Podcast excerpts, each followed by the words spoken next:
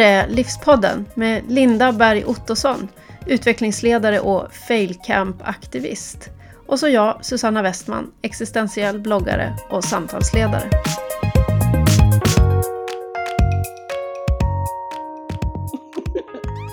Jag måste börja med att komma ut som, eh, och säga en sak. Eh, det, jag presenteras ju som failcamp-aktivist fortfarande.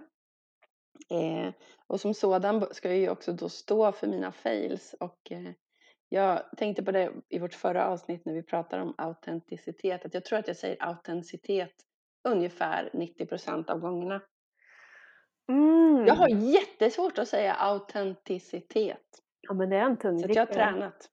Ja. Mm. Träningsläger. Autenticitet camp.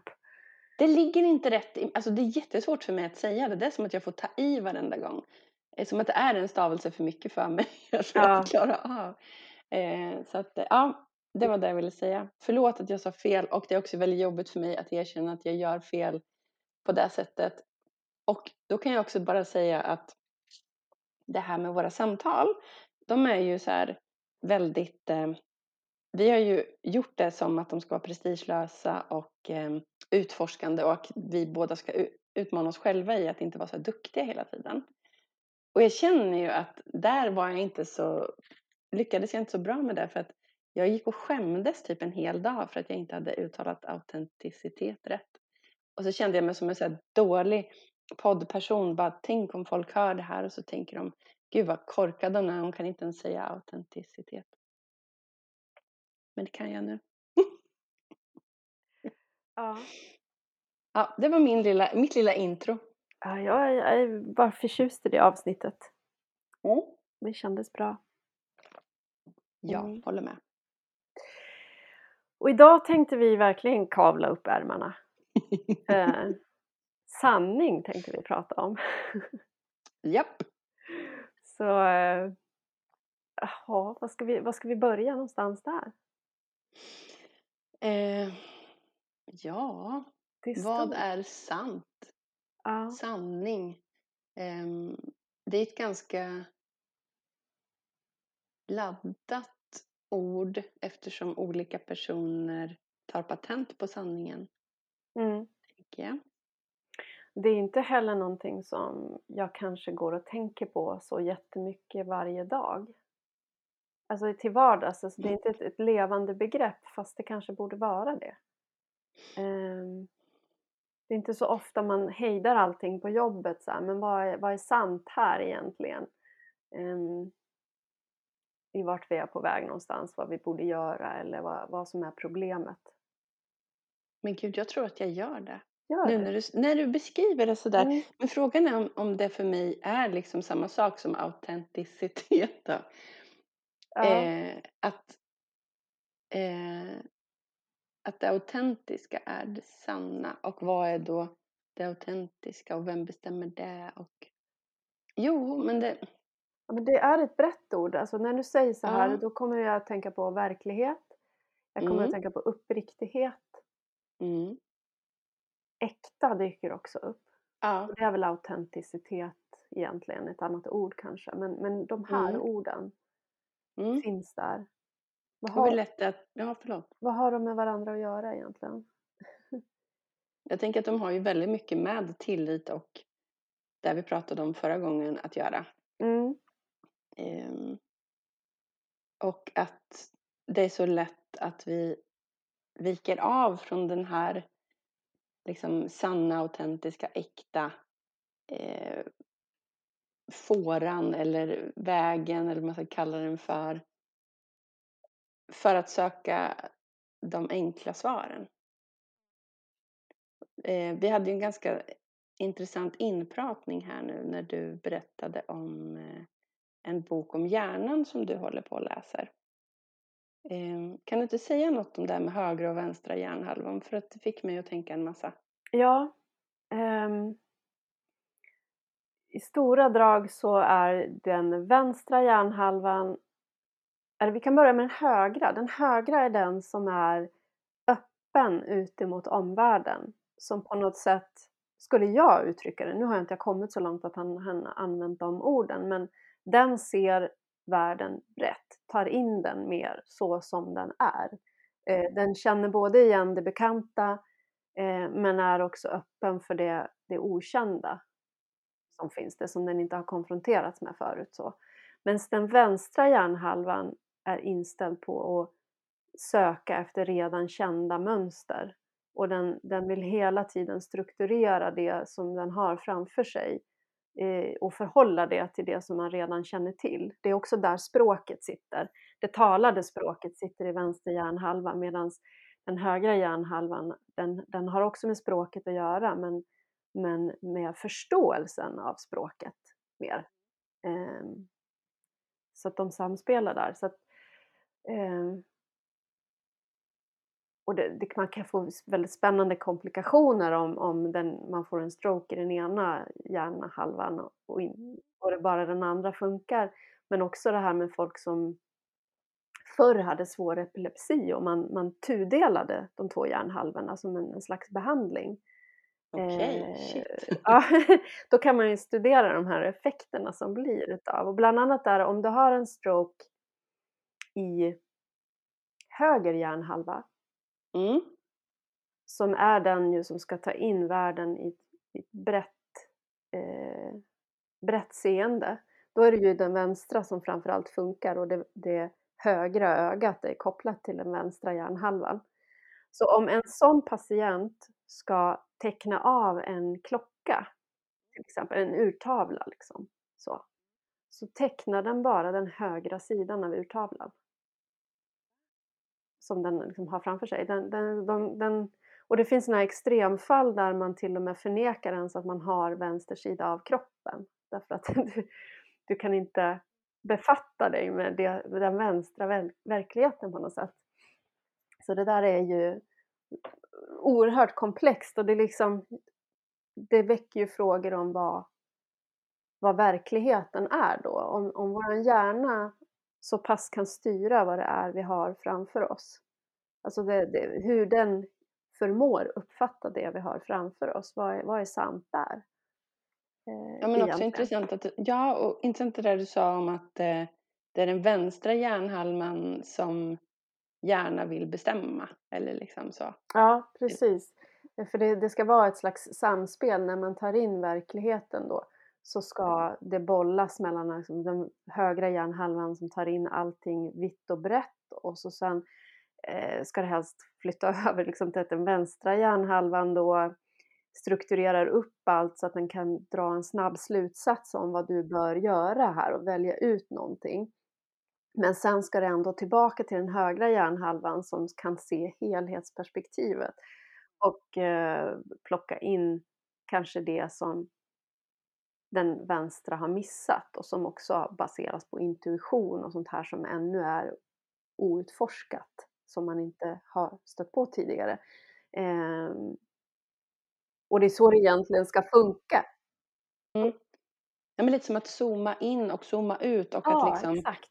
Titta på det här från olika håll och ja. använda olika kompetenser. Men det blir störigt då om vänster hjärnhalva tycker att den är mycket bättre än höger eller att den är viktigare än höger. För det är lite så som jag kan uppleva då, och det sa jag också att för mig blir det som någon slags eh, eh, symbol för eh, NPM och eh, tillitsbaserat. Eh, att eh, den ena hjärnhalvan då höger representerar det här med mallar och struktur och regler och och sånt. Medan den andra då är mer bred, komplex och kanske inte har svaren på en gång liksom, utan mer det här utforskande förhållningssättet. Och också kopplat till eh, nu glömmer jag vad den här filosofen heter som Jonna Bornemark pratar om i Horisonten finns alltid kvar. Nicolas Cusanus. Nej, det kanske, just det, Cusanus. Nej, det är hennes första bok som hon pratar om Cusanus. Um, ja. Om, Som eh, har eh, Bruno, heter han väl? Giordani Bruno är en annan. Är det mm. du tänker på eller? Nej, det var nog Cusanus med Intellectus ja, och Ratio. precis. Han, ja, han beskrev ju egentligen eh, skillnaden mellan hjärnhalvorna redan då. Mm. Mm. exakt.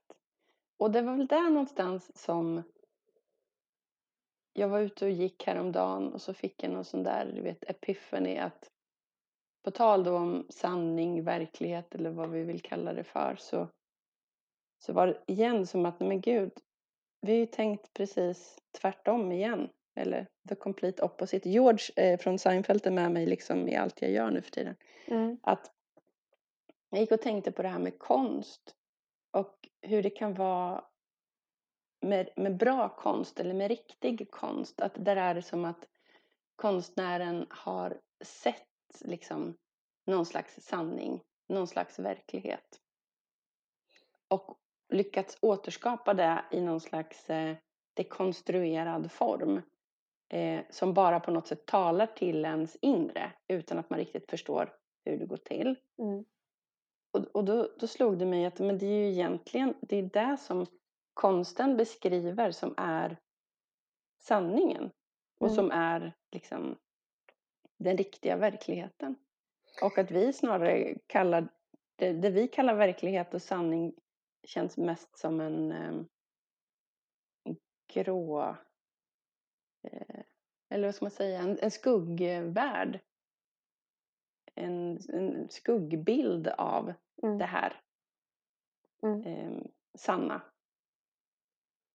Ja, och det är ju, konsten är ju högra hjärnhalvans domäner. Eh, och, Mm. och det är ett, em, ett språk som den högra hjärnhalvan förstår men som den vänstra ju har mycket svårare att förstå sig på.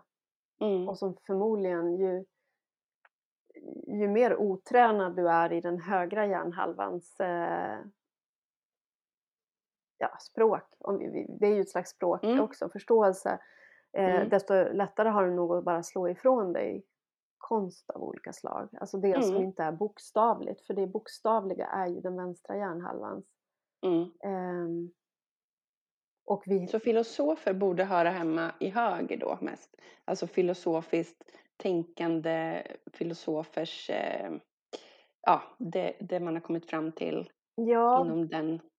Det finns ju som två disciplinen. skolor som man delar in det i. Man har ju den analytiska filosofin och du har den kontinentala som man säger. Den, eh, Mm. och den analytiska är ju mera eh, logik, eh, alltså slå sönder i bitar på något sätt och Mm. försöka bevisa.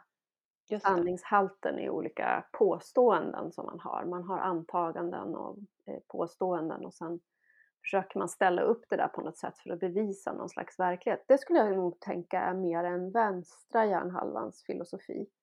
Mm. Eh, och så känns det för mig då, det här är ju eh, ingenting som jag vet att någon har bevisat på något sätt, men den högra hjärnhalvans filosofi är mer den fenomenologiska, alltså Mm. upplevelsens. Hur upplever jag världen? Mm. Hur tar jag, hur träder världen fram för mig som Mm. människa?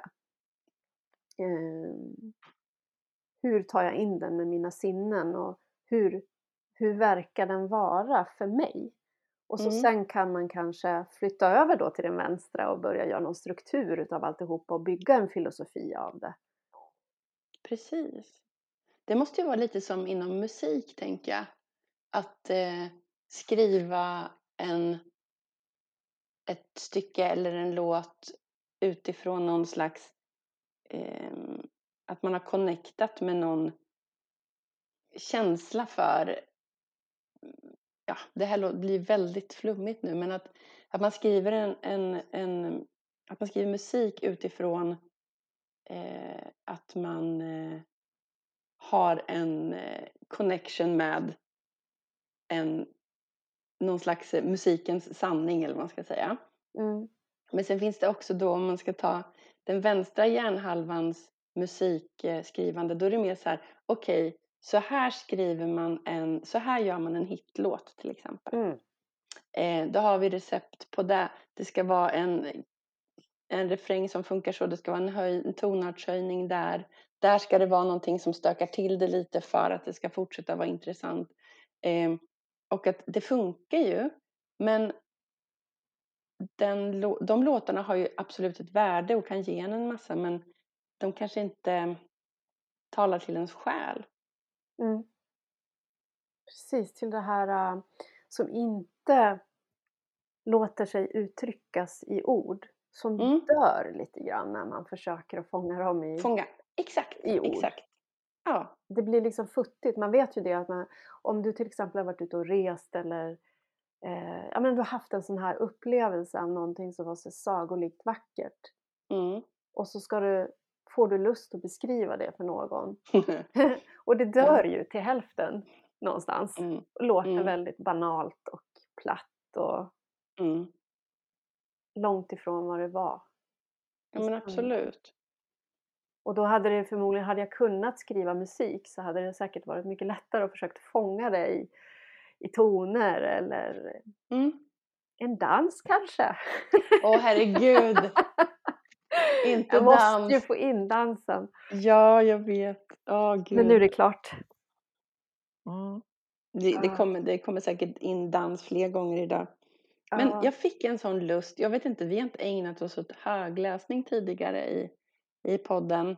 Mm. Men jag vet att jag har slängt in, på tal om att det blir platt när man ska försöka återge någonting, så har jag ju försökt slänga in det här med Platon och grottliknelsen tidigare. Mm. Eh, men Har du den kom- där nu? jag har den här och det kom så starkt in i det här tänket också med just sanningen, verkligheten och konsten. Att vad är egentligen vad? Eh, och eh, då kommer jag tänka på Platon igen och så vet jag att jag tog upp honom, eller att jag gjort det säkert flera gånger i, i podden innan.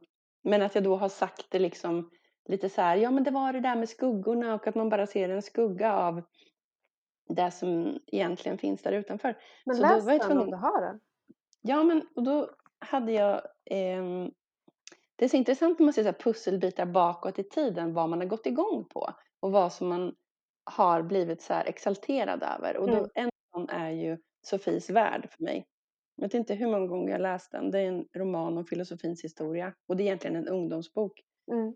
Eh, och jag jobbade i en bokhandel när den här kom ut och jag blev helt liksom, ja, tagen av den. Och, och så då tänkte jag, men där i måste det ju stå om den här grottgrejen. Mm. Och det gjorde det ju såklart.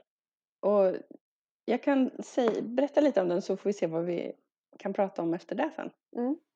Eh, tänk dig några människor som bor i en underjordisk grotta. De sitter med ryggen mot grottöppningen och de ser bara grottans vägg eftersom de är bundna till händer och fötter. Bakom dem finns en hög mur och bakom den muren går någon slags människoliknande varelser omkring och håller upp olika figurer ovanför kanten. Eftersom det brinner en eld bakom figurerna syns dessa som flackande skuggor på grottväggen. Grottmänniskorna kan alltså inte se någonting annat än de- denna skuggteater. Och eftersom de har suttit på det här sättet ända sedan de föddes så existerar ju ingenting annat än skuggorna för dem. Tänk dig nu att en av grottmänniskorna lyckas ta sig ut ur fångenskapen. Först frågar han sig varifrån skuggbilderna på grottväggen kommer och till sist lyckas han befria sig från bojorna. Vad tror du händer när han vänder sig mot figurerna ovanför muren? Först blir han naturligtvis bländad av det starka ljuset, men sen bländas han av själva figurerna också, eftersom han förut bara har sett deras skuggbilder. Om man lyckas klättra över muren, passera elden och ta sig ut ur grottan så blir han bländad ännu en gång. Men när han har kliat sig i ögonen så kommer han att slås av skönheten där ute. För första gången får han se färger och skarpa konturer. Figurerna han såg i grottan var bara dåliga kopior av de riktiga djuren och blommorna han nu kan se. Men också nu frågar han sig varifrån djuren och blommorna har kommit. Då får han syn på solen uppe på himlen och förstår att den ger liv åt blommorna och djuren i naturen på samma sätt som bålet i grottan gjorde det möjligt för honom att se skuggbilderna. Nu kunde ju den här lyckliga grottmänniskan ha sprungit ut i naturen och glatt sig åt sin nyfunna frihet. Men han tänker på alla de som sitter kvar i grottan och vänder därför om igen. Så fort han kommer ner försöker han bevisa för de andra grottmänniskorna att skuggbilderna på väggen bara är darriga kopior av de verkliga tingen. Men ingen tror honom. De pekar på grottväggen och säger att det inte finns något annat än det de kan se där. Till slut slår de ihjäl honom.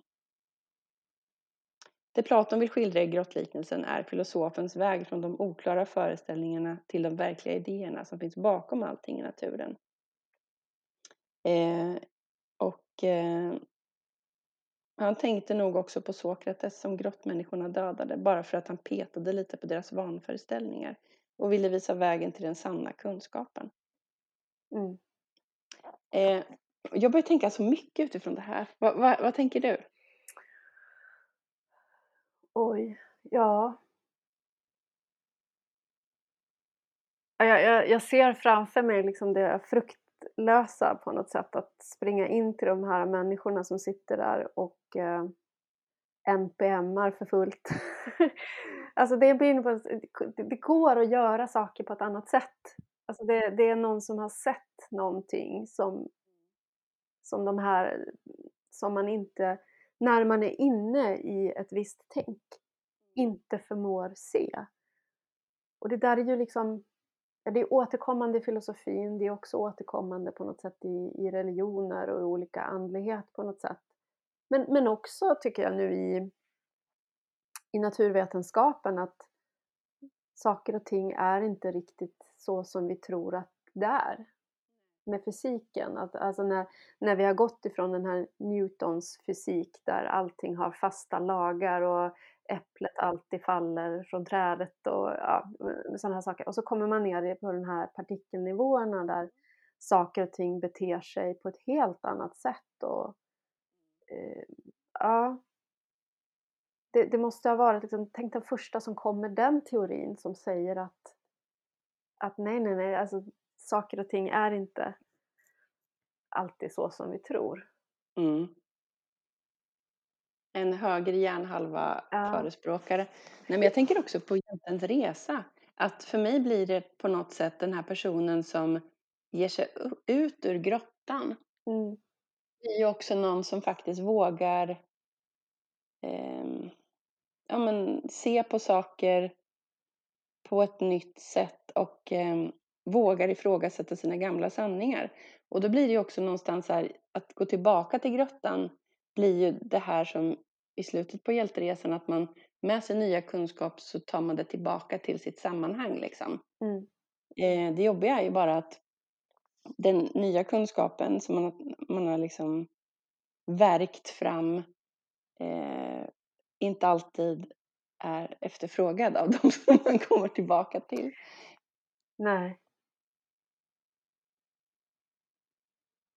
Nej, och, det, och där ser man ju en vattendelare på något sätt. Eh, mm. vad, och där kan man ju ställa sig frågan då, vad ska du göra med det här? Och det, det är ju det de gestaltar så himla bra i Matrix. I The Matrix, den ja, filmen. Just att det.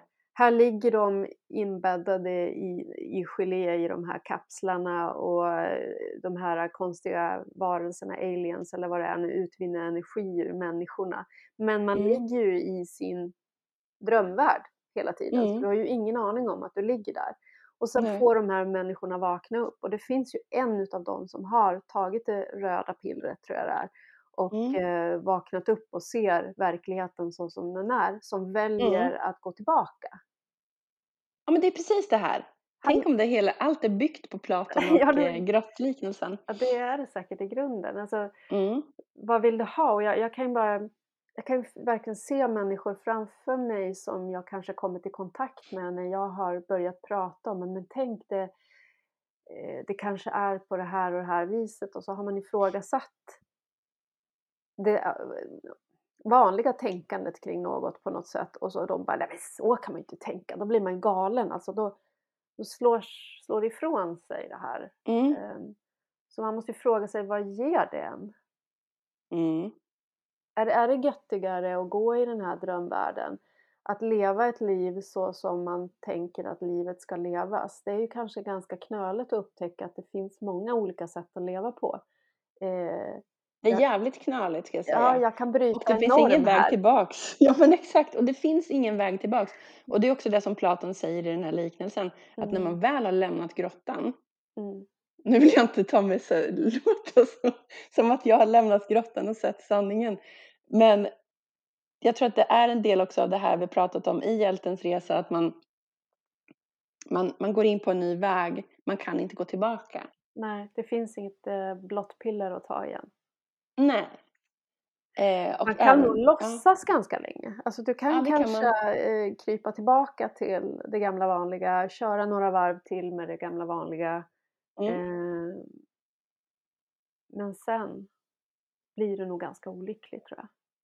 Ja, sätter vi vänster hjärnhalva på det här eh, resonemanget så skulle man ju kunna eh, plocka in det i förändringens fyra rum. Det här att liksom nöjdhetsrummet. Jag tänker att det är där man befinner sig eh, så länge man liksom står ut med skuggteatern Ja, och eh, normerna. Eh, och sen så när kanske någonting i det här nöjdhetsrummet börjar klia lite så åker man in i censurrummet där man inte alls vill kännas vid att det kliar eller skaver utan för det blir så jobbigt om man ska börja ifrågasätta. Jag kan ju också känna igen det här från eh, min uppväxt inom eh, frikyrkan. Att börjar man ifrågasätta någon liten detalj så blir det så jobbigt för att då är det så mycket som kanske faller bort och som inte håller längre. Liksom. Så att i censurrummet är det ganska jobbigt att vara. Det kör man ju den här la la la metoden och håller för öronen. Och... Men man, är, man har ändå börjat någon slags eh, förflyttning liksom. Och nästa rum är förvirring. Och där har man någonstans ändå så här, okej, okay, jag kan inte gå tillbaks till nöjdhet längre. Jag har gjort, jag har tagit mig en, en bit nu och eh, nu vet, jag vet inte vad som ligger framför men jag kan inte gå tillbaka. Och sen så håller man på där liksom och eh, testar och är ganska osäker och lite orolig och spänd och sen så fjoff så åker man till slut upp i inspirationens rum. Och då, då har man på något sätt, det känner jag också är lite sådär i hjältens resa då, liksom att man, eh, man får tag i den här skatten liksom. mm. Eh, och då handlar det ju om att, då, då, är väl egentligen om man skulle verkligen göra det här till, eh, om man ska gifta ihop det vänstra och det högra och förändringens fyra rum och hjältens resa, som jag tycker är två olika sätt att se på det här, så skulle man ju säga att då borde ju inspirationen eh, på något sätt resa in i nöjdhetsrummet och prata med de som är där. Men det är jättesvårt, för att de är nöjda och de behöver göra sin egen resa för att ja. komma till inspiration. Ja. Jag tror inte det finns så jättemycket att göra, men vad är det som... Det, det måste ju hända, det händer ju oftast någonting i ens liv som raserar det som är. Mm. Det raserar en gammal sanning, eller åtminstone river ett hål i den så att någonting Mm. annat skiner igenom. Precis. Ehm, så kan du kanske lappa och laga den där revan ett tag. Ja, det tror jag. Det, och ska vi ta konkreta exempel på vad det här kan handla om? Så Ja, att det inte blir absolut. så luftigt. Ja, men Jag det tänker kan att ju det, det vara. kan ju vara något så enkelt som ett yrkesval till exempel. Ja, Eh, Att du har trott att drömmen var att vara, ja vad ska vi hitta på? Det kan ju vara vad som helst. Veterinär, banktjänsteman. banktjänsteman, polis. Ja. Och någonstans där på vägen så känner man att det här, det här ekar ihåligt. Mm. Det här är inte jag. Det kan, precis, det kan vara en relation. Mm. Eh, en vänskapsrelation eller en eh, kärleksrelation eller Sexualitet. sexualitet. Det kan vara, ehm, ja men som jag sa då, eh, det kan handla om en trosuppfattning eller en... ehm, Ja. ja, det liksom där är ju religion. intressant. Har du, Ja. Skulle du säga att du har gått ifrån liksom att en uppväxt i en frikyrklig miljö till att Mm. bli ateist? Nej, Nej? Eh, snarare någonstans här att, lite som vi pratade om i första avsnittet, att eh, jag har börjat se på religion som en, en PM-version av eh, andlighet. Eller liksom... Och jag tror att liksom alla människor har en inneboende andlighet i sig. Eh, men att och att liksom vi har olika uttryck för att försöka komma i kontakt med det här. Och kanske är andligheten samma sak som autenticitet. Det är bara det att så fort någon ska göra, liksom, ta patent på sanningen kring den här autenticiteten. nu hör du, det blir svårt för mig. Så, no, så fort någon ska ta patent på sanningen om vad som är det autentiska så blir det fel och det kommer in makt och eh, annat i det här mixen. Och då blir det inte så bra. Men jag, jag tror ju att det finns en, liksom, ärlig eh, ärlighet i många människors sökande eh, efter mening och sanning. Eh, och eftersom då, som du har sagt här, den vänstra hjärnhalvan gärna går in och tar över så kanske det är så att vi har en benägenhet att välja eh, enkla svartvita sanningar om vad som är rätt och fel. Ja. Eh, så jag tror att, att vi har liksom att alla religioner och egentligen alla konstformer också är olika sätt att försöka närma sig det här autentiska. Mm. Eh, men jag eh, kan inte längre befinna mig i ett sammanhang där man har bestämt att sanningen ser ut så här. Mm. Ja, och det där blir ju det blir också tydligt på eh, arbetsnivå när allt mer standardiseras och man låser saker fast vid att eh, det måste vara passa i en mall. De här mm. checklistorna. Mm. Det, är ju, det är ju precis ja. samma sak där. Att Ja. Där står man mitt i en situation, nu har inte jag ett sånt arbete nu, men jag kan bara tänka mig i vården när man kanske från hemtjänsten står där med den här eh, listan över vad jag exakt skulle göra på minuten hos den här mm. eh, äldre personen som jag är hemma hos nu. Och så mm. sen ligger personen och gråter till exempel. Mm. Alltså, det finns det inte, står inte i nej, det står inte här på checklistan liksom. Eh, och där, där krockar ju verkligen verkligheten, alltså sanningen mm. Eh, med det här äh, fastslagna som finns på pappret som ju är en sån här skuggfigur på väggen. Mm. Ja, men som du sa i något avsnitt att det har blivit våra avgudabilder. Det är, liksom, ja. det är lite samma sak med skuggorna tänker jag att eh, religionen blir någon slags avgudabild där man ska komma åt det här autentiska och äkta men man man håller bara på med någon slags eh, fladdriga skuggfigurer. Mm. Eh, som inte alls kommer i närheten av det här helt fantastiska, vackra eh, ursprungs... Eh, nu låter jag verkligen som Platon, men han har ju liksom de här, de här idévärlden liksom. Ja. Och... Eh, ja, som, ja. Han, som han också, han pratar om eh, något slags intuitiv vetskap hos alla människor om den här idévärlden. Han, han kallar mm. det för, jag, vet inte om det var exklusivt han som kom på det eller om det var någon annan, men återerinringsläran. Ja. Eh, har du hört talas om den? Att... Nej, men jag känner igen, alltså det här är fantastiskt, jag tycker det är så vackert, för jag tror, det ligger så mycket i det här tror jag. Ja, att men någonstans, någonstans har alla människor kontakt med varandra genom den här idévärlden. Alltså det är mm. någon, slags gemensamt kollektiv. Vi skulle, vi skulle kunna ta in Jung där. Han kallar det för ja, det kollektiva eh, omedvetna. Mm. Eh, att någonstans hör vi ihop i det här och den sokratiska dialogen eh, mm. är ju ett sånt sätt att genom att ställa frågor eh, Mm. I, I det avsnittet som handlar om just det här sokratiska dialogen och eh, så tar han upp den här återinringsläran att eh, genom att ställa de här frågorna till dig så, så kommer jag hjälpa dig att eh, föda fram svaret. Du har svaret inom dig. Eh, mm. Så han lutar sig väldigt mycket tillbaka på det, att människor vet mer än vad de tror.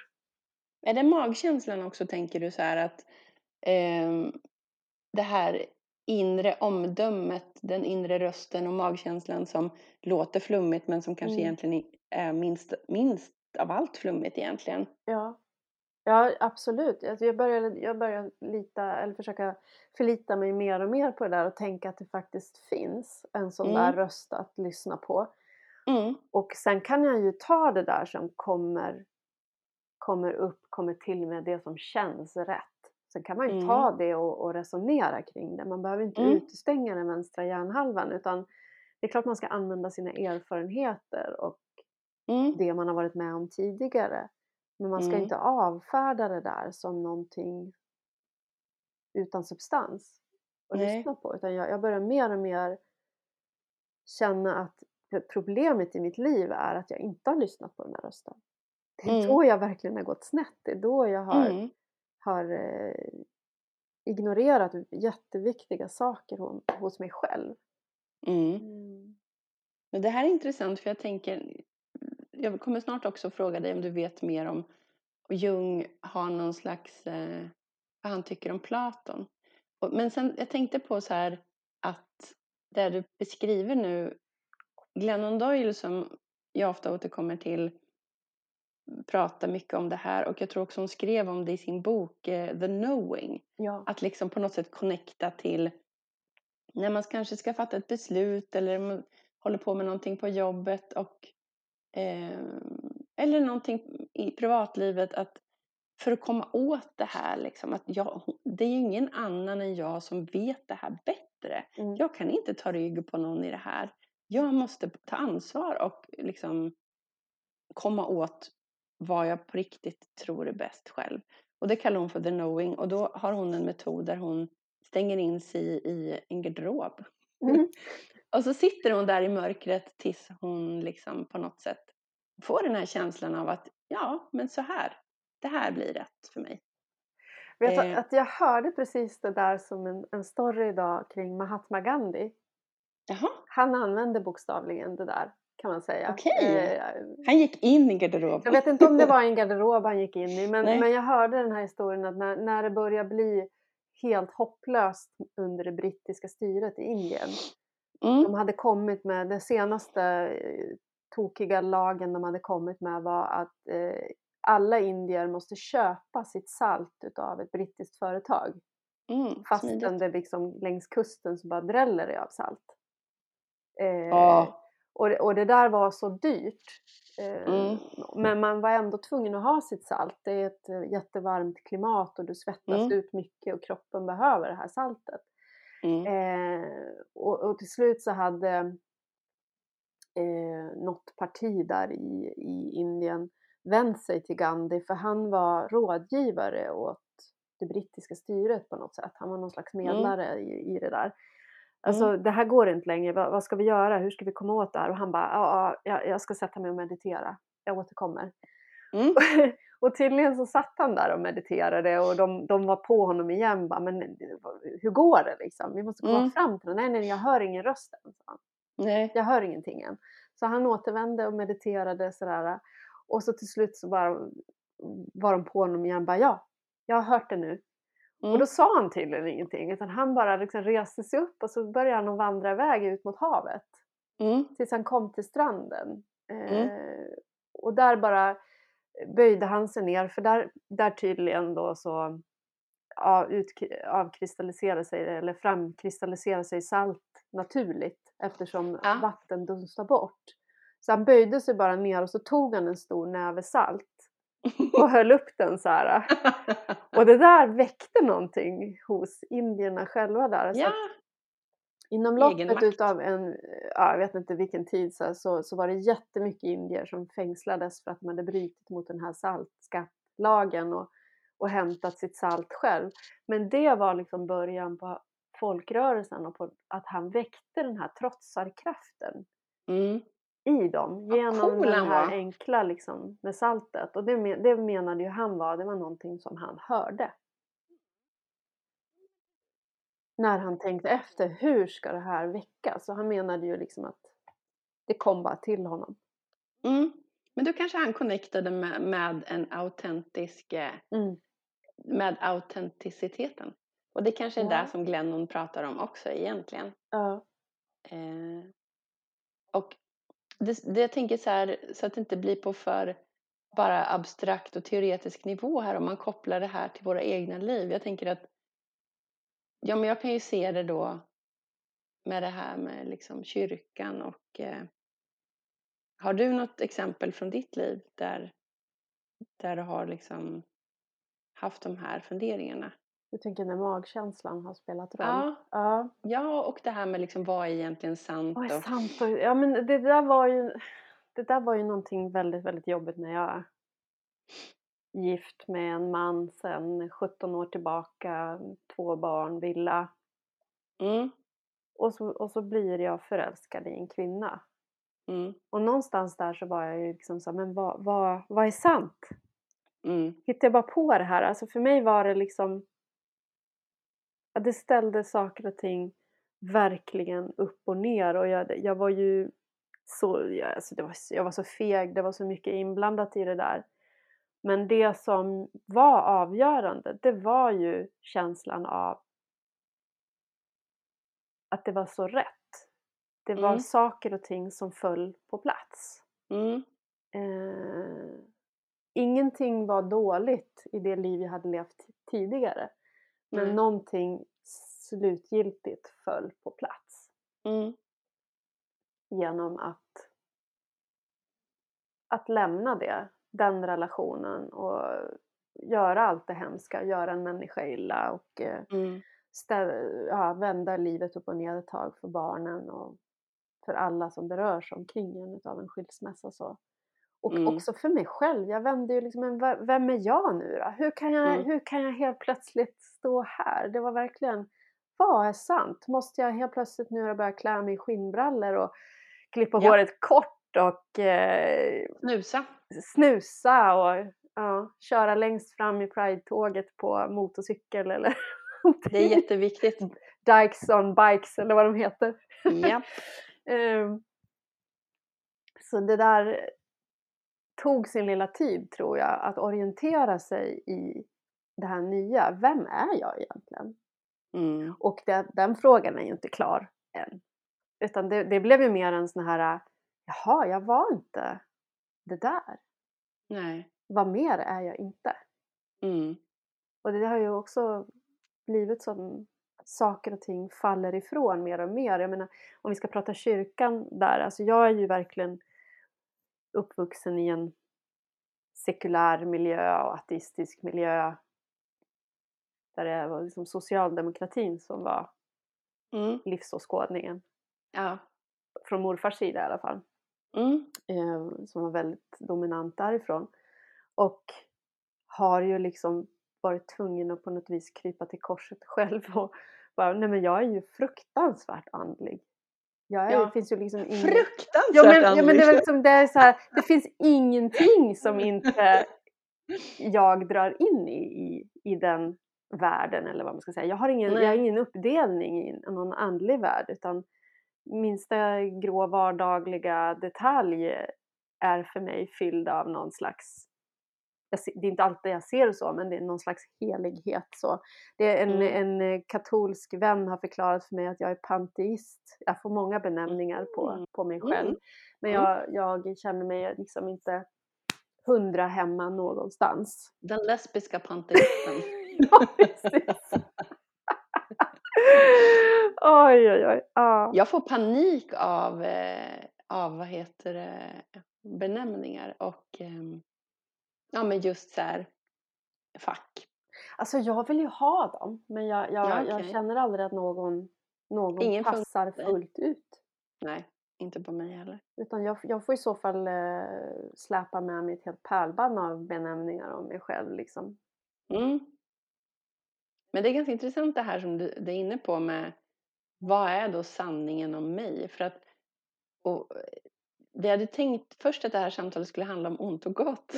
Och jag tänker att det, det är ganska intressant att koppla det till det här också som du säger. För du och jag har väldigt liknande, eh, ja men vi har gått igenom väldigt liknande livsomvälvande förändringar Mm. i det här att ha levt ett relativt heteronormativt liv i många år och inte ja, men så här, varit jag på att säga varit nöjd med det. Jag har ju jag har aldrig varit nöjd med någonting Mm. egentligen. Jag har ju alltid känt att jag lever inte mitt liv men det har ju inte haft någonting med egentligen exakt den partnern att göra. För precis som du beskriver så jättebra, liksom, det var så mycket som var så bra.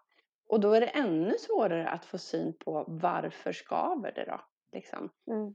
Och att då när man, i takt med att man får någon så kontakt med sin knowing eller magkänsla eller Mahatma Gandhi eh, feeling så förstår att shit, jag måste gå den här vägen. Och det kommer betyda att jag sårar eh, och sviker en annan människa. Jag kommer göra mina barn illa. Mm. Jag kommer göra så många andra människor besvikna och ledsna. Den personen är ju inte jag. Jag är en person som är snäll och gör andra glada.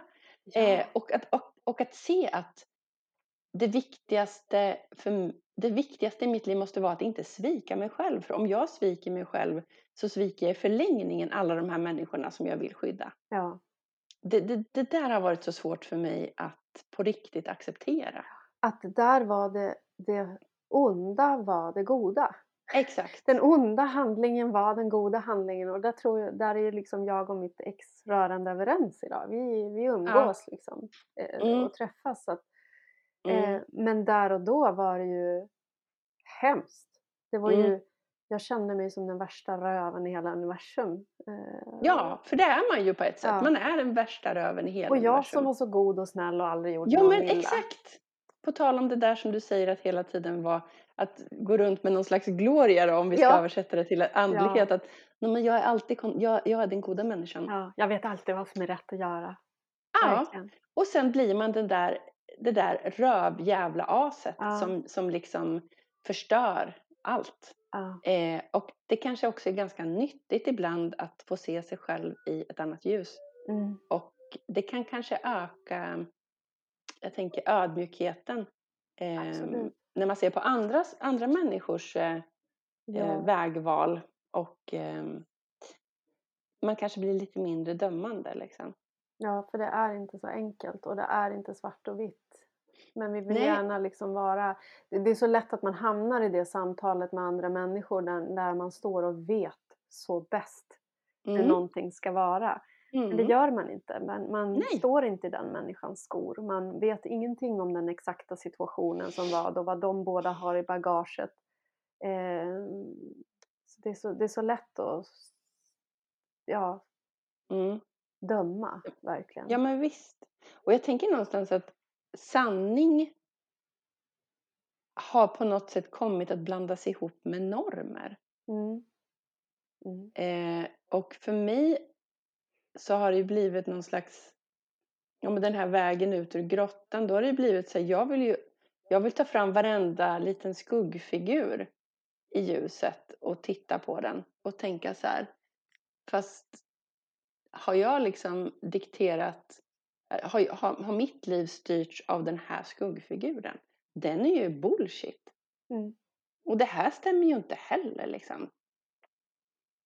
Om, om sanningen inte är de här normerna så måste det ju vara att det finns en, sanningen måste ju ligga i, i det här autentiska och att försöka komma åt det liksom så ofta man kan. Att, att på något sätt eh, Mm. sätta sig i, eller få komma i kontakt med sin autenticitet. Mm. Eh, jag hade ju någonstans tänkt också att eh, ja, men på något sätt att det här med normer lite skulle upplösas då om man lämnade eh, den så kallade huvudnormen, Mm. Eller- normen. Men det är ju precis lika mycket normer i alla världar liksom. Mm. Eh, inser jag ju. Eh, och det tycker jag inte om.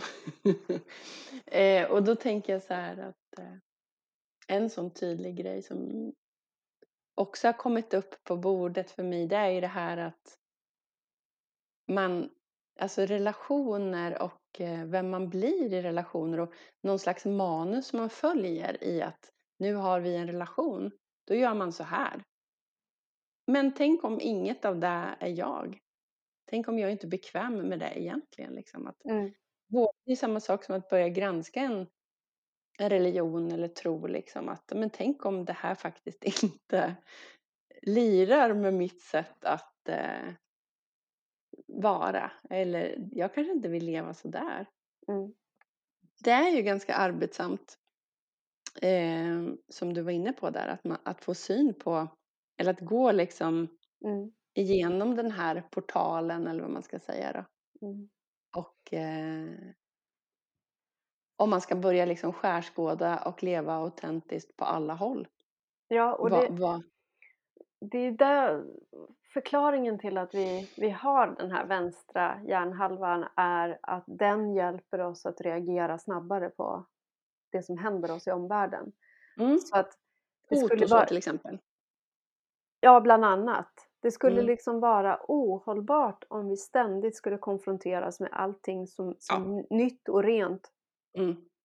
som om det vore för första gången. Ja, vi behöver ju kategorier för Ja, att men jag skapa tänkte bara vakna på morgonen. Mm. Vad ska jag göra nu? Den här Alltså, dagen är ny. Ja, och vad är det här? Den, här- den här, det här armarna och fötterna och alltihopa. Mm. Alltså, så, som spädbarn har vi legat och övat och övat och övat och titta där i min hand och sådär. Mm. Och det har vi på något sätt, troligtvis då, nu, nu kan inte jag liksom om det hör hemma i någon hjärnhalva, men det som den vänstra hjärnhalvan hjälper oss med är ju ett snabbare tänkande. Mm. Det är förutfattade meningar, Mm. men per definition så hjälper det oss att kunna snabbt tänka någonting. Vad bör jag göra i den här situationen? Mm. Min erfarenhet och det jag har lärt mig teoretiskt säger att kommer det någon med en kniv där bör jag springa. Mm. Eh, ser någon hotfull ut, om jag uppfattar det här mönstret, beteendemönstret som hotfullt, bör jag gå därifrån. Mm. Eh, eller bara att är jag hungrig ska jag äta, jag ska stoppa in saker i munnen Mm. som är ätbara. Alltså, så det går ju inte att leva normlöst. Alltså allt är ju normer om man ser Mm. på, på det viset. Eh, Mm.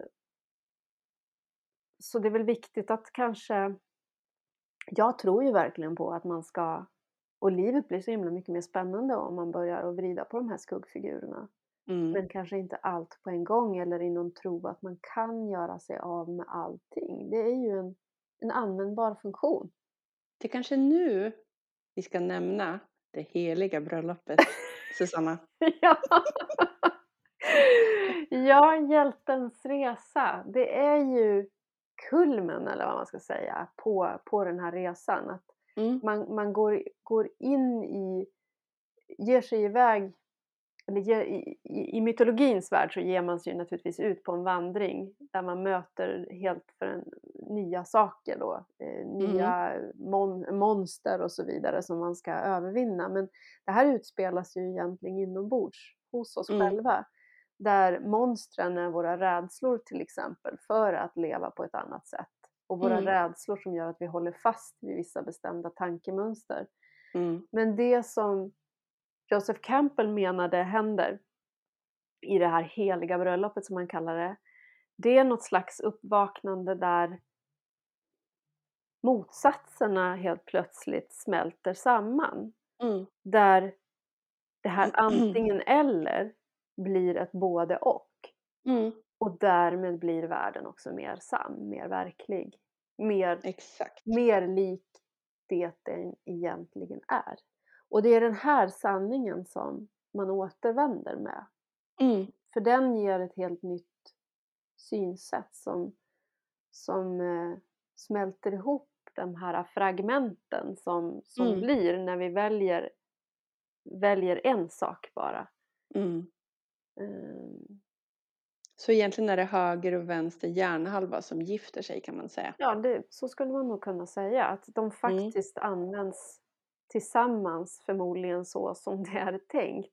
Mm. Medan vi då i, genom det sätt vi lever här i västerlandet, alltså Mm. i det moder, modernitetens värld här så har vi ju skapat ett skolsystem och vi har skapat ett, ett tänkande och eh, vi har gjort, gjort oss av med all mystik och förtrollning och Mm. de flesta har gjort sig av med någon tanke på, på Gud eller någon annan kraft på något sätt också. Så här, utan allting är väldigt krasst Mm. och rationellt så som det är.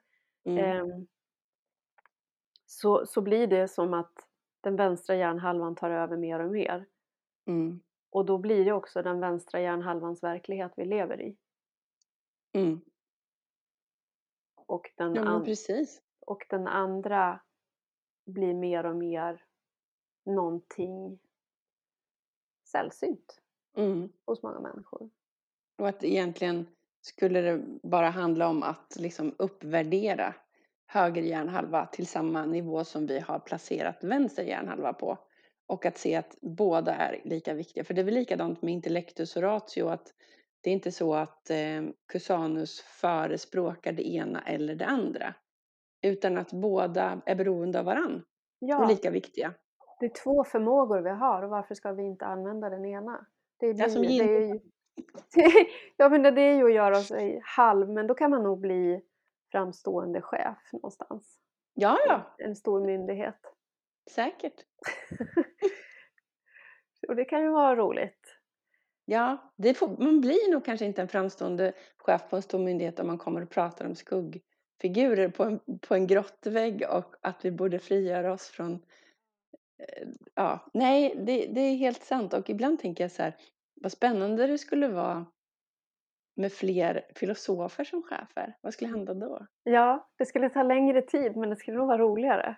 Jag tänker att det Det skulle vara... vara lite krångligare och Ja, ja. Jag behöver gå och meditera nu. ja, fast på riktigt. Jag Ja, tänker på på det här mer och mer. Att det här att på något sätt, jag har ju som, nu har jag fuskat med dem jättemycket på sista tiden tyvärr, men jag har faktiskt lagt in två larm på min telefon. Mm. Eh, det är ju faktiskt vänster hjärnhalva i bruk att faktiskt lägga in Mm. någonting strukturerat som en påminnelse att jag ska göra någonting som höger hjärnhalva förespråkar, nämligen andas och komma ner i kroppen. Just det. Mm. Eh, och när jag gör det här så märker jag ju att det är väldigt bra. Att jag mår bättre, att, eh, ja, men att det är en annan känsla, att man inte hela tiden är uppe i, i skallen och eh, ja, vad ska man säga? Jag Jag fastnar ju väldigt lätt i huvudet liksom. Att göra den här tydligheten att man, att man på något sätt reser tillbaka ner i kroppen då och då. Att det måste ju vara, det måste ju finnas ett jättestort värde i det tänker jag. Att det blir så lätt den här obalansen. Kropp eller hjärna.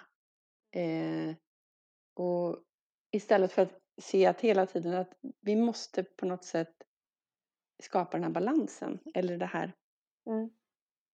eh, alliansen. Alltså jag, och jag märker ju i de här Mm. samtalen som jag har, med enskilda samtalen med människor, så är det ju otroligt många som är fruktansvärt dåliga på att känna känslor. De tänker känslor istället. Och det där är nog Mm. också en vänster hjärnhalva skada. Eh, Ja. att, att, att tänka och prata om känslan. Men när Mm. jag frågar men var i kroppen känns den? Det finns Mm. så många som inte kan liksom ens peka var det känns. Okej. Än mindre säga målande saker. För jag brukar säga så här, men nu släpper vi ordet och så försöker Mm. du beskriva med en bild, Mm. en, eh, en färg, Mm. en, ett ljud, en, en låt. Mm. Alltså någonting som är någonting annat än ett koncept. Mm. ett färdigt ord om någonting så, så Mm. försöker jag få dem att beskriva det här. Och, och syftet är ju att man ska få fatt i mer av känslan. Mm. Därför att känslan rymmer en värdering, precis som den Mm. här inte är en intuition eh, om någonting. Precis. Som du behöver plocka upp parallellt med vad du tänker om situationen. Vad som är det rationella tänkandet kring den här situationen. Vad, vad är rätt Mm. och fel enligt normerna att göra? Plocka fram känslan och lägg den parallellt så får du liksom en rikare verklighet av vad du tänker och känner inför den här situationen. Och där i så blir det kanske mycket lättare att få reda på vad, du, vad är det viktiga du måste göra nu. Men vad det betyder här- det här för dig? Ja, egentligen. Och det är förvånansvärt många som inte, både kvinnor och män faktiskt. Så det är inte, det är inte så jag. att det bara är män. Men det handlar väl jättemycket om att vi vill ha kontroll eller skapa kontroll över läskiga känslor som vi inte vet vart de ska ta vägen. Mm. Och att på något sätt då, när man har pratat om dem och satt ord på dem, då är det samma sak som att man har förstått dem eller på något sätt eh, jobbat klart med dem. Mm. Men det har man inte gjort för man, man är utanför dem hela tiden. Mm. Man är inte i dem. Nej.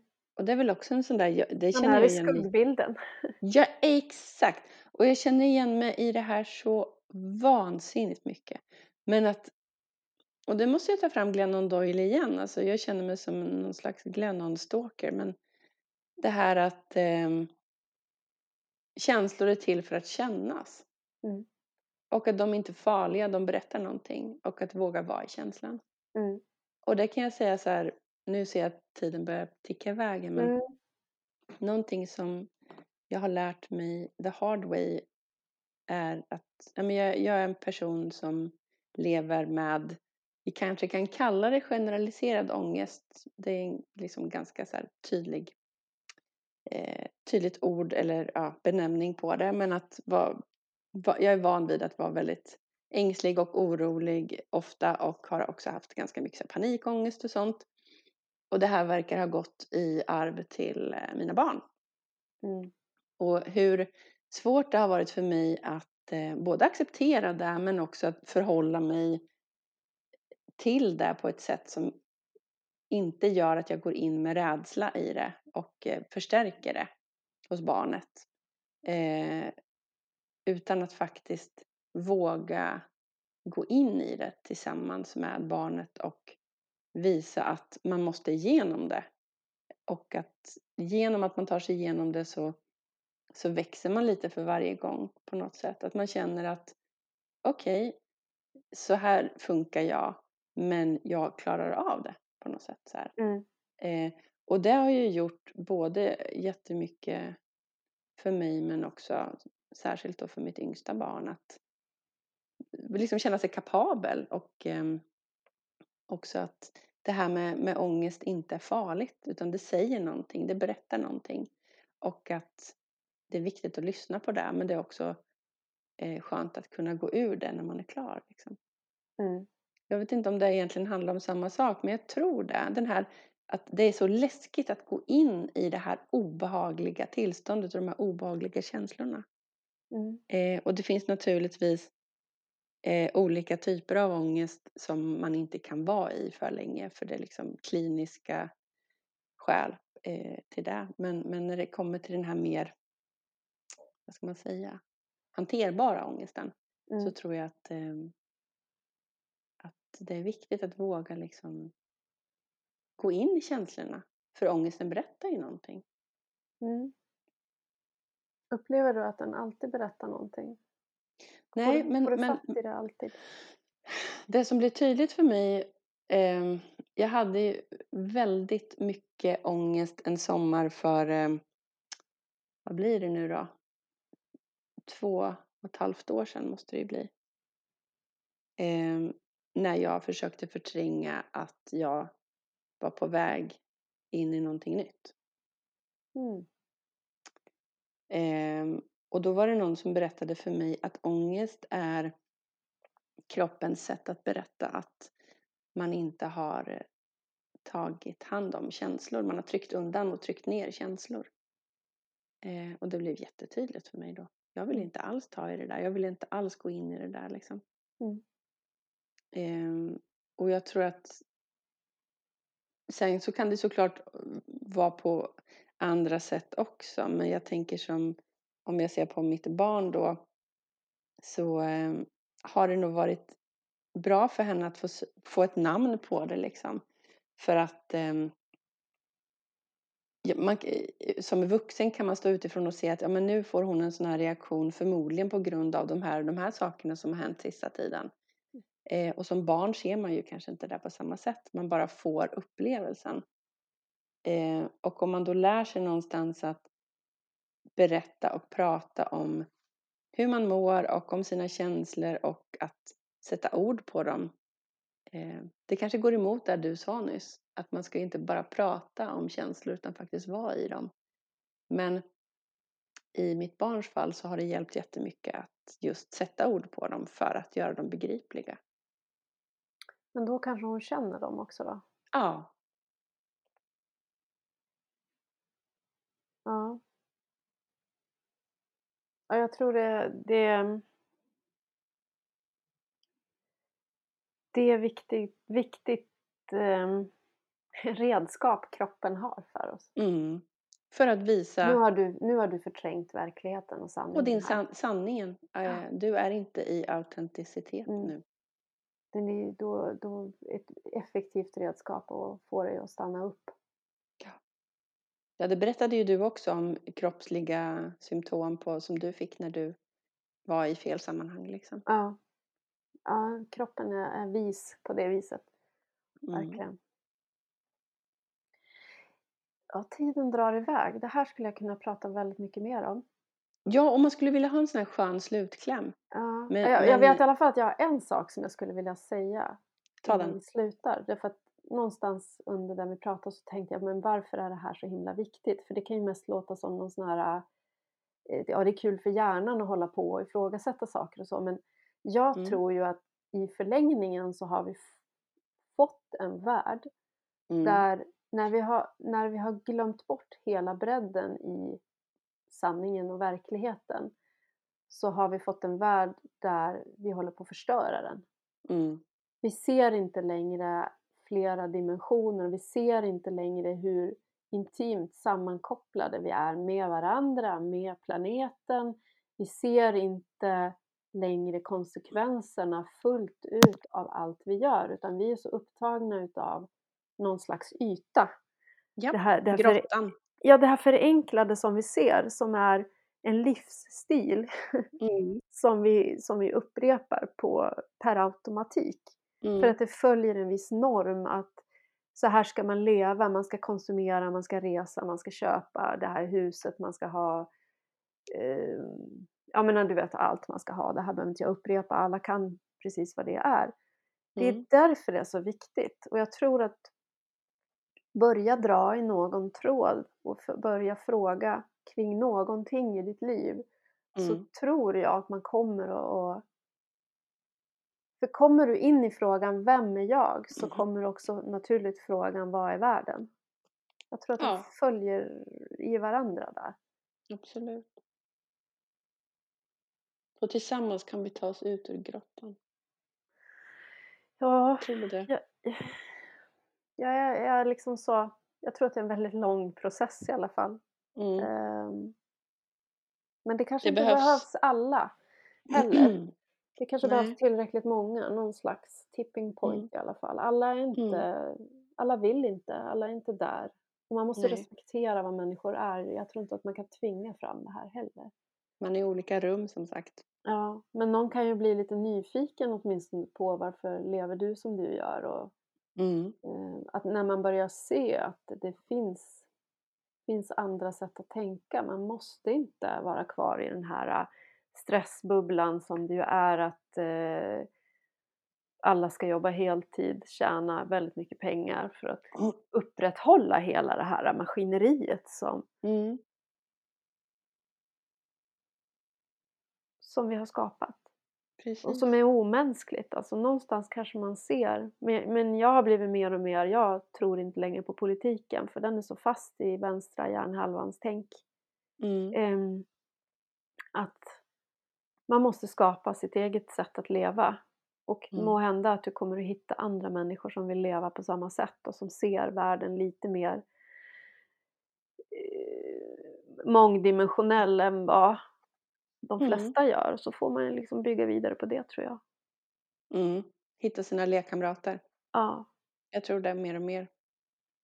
Ehm, att inte på något sätt, ja, men annars blir det så mycket frälsningstanken som jag har vuxit upp med. Att Ja, jag ska få andra att se min sanning. Ja.